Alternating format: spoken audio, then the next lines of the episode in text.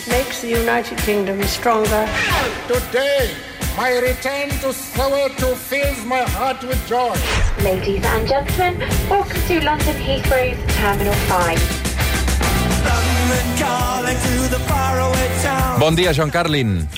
Bon dia, Roger, què tal? Coneixent el John Carlin, eh, m'imagino que aquestes setmanes estan molt pendents d'aquestes eleccions eh, als Estats Units eh, de mig mandat, i, i la gran debacle dels demòcrates eh, doncs ha acabat sent que no. Eh, i, I vés a saber, eh, Ion, si, si acaben eh, doncs, reforçats, i, i, i també vés a saber si finalment Donald Trump s'atreveix a fer l'anunci que es torna a presentar, no?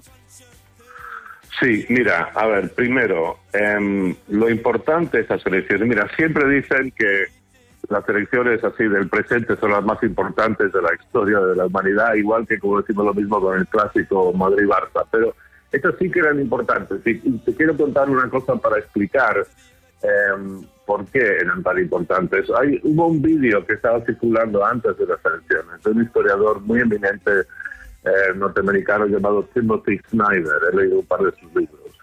Y él decía lo siguiente, que si los republicanos arrasaban como se esperaba, y más importante, si los candidatos que había puesto a dedo Donald Trump ganaban, o sea, si la mayoría de los norteamericanos daban su bendición al negacionismo de los resultados electorales de la última vez y, y, no eh, estar a favor del traspaso pacífico del poder, tenemos un lío, se sienta un precedente, vienen las elecciones de 2024 presidenciales, otra vez se presentaría un Trump fortalecido en caso de que subiera ido bien estas elecciones, y una vez más el resultado se pone en duda, Trump quizás se niega a dejar la Casa Blanca, eh, los demócratas salen a la calle, el país se divide, hay violencia, las Fuerzas Armadas se dividen. Este es el escenario que retrató este señor eh, como te digo, eminente historiador Timothy Snyder, y básicamente Estados Unidos se hunde en un estado de como de democracia o dictadura bananera.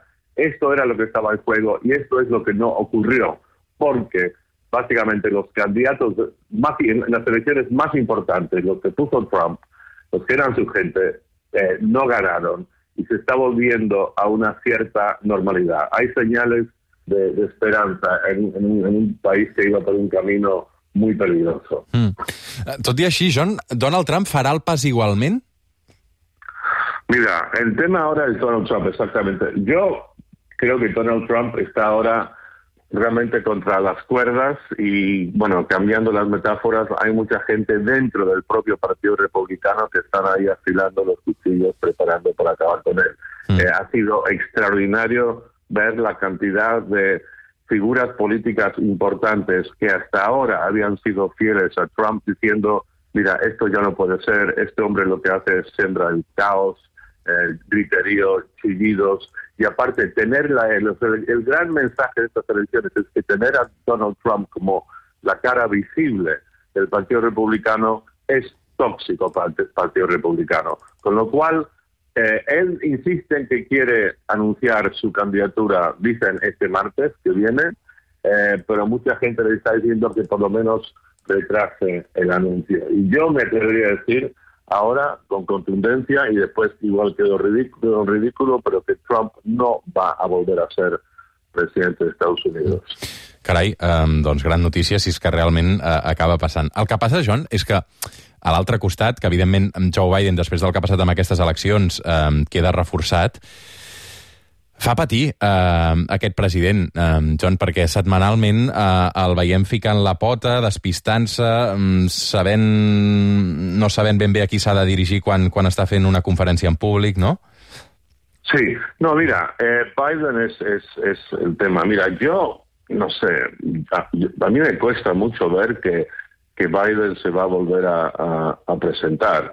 Um, y si el candidato republicano que, que, sale no es Trump, sino alguien más, más joven, menos loco, más responsable, um, creo que acabaría con, con, Biden. Pero bueno, eso ya no es tanto el problema. El, mm. el tema es que, que, Trump ha sido esta especie una, una, una, un periodo aberrante en la historia de Estados Unidos. Ha sido una especie de pesadilla o de, o de locura de la que hemos hablado un montón. O sea, la cantidad de veces, Roger, que tú y yo hemos estado señalando la última locura, desmadre eh, que ha eh, escenificado Donald Trump, se ha sido ya realmente un espectáculo, como, como dije antes, bastante tercermundista. Y el hecho de que parece que este hombre está va a seguir haciendo ruido, pero que, que, que sus posibilidades reales de volver a poder son muy reducidas, eso es lo importante. Biden, no sé, yo no creo que se va a volver a presentar, o sea, está demasiado, demasiado viejo, hace demasiados errores. Y, pero eso no es lo importante ahora. Creo que lo importante es que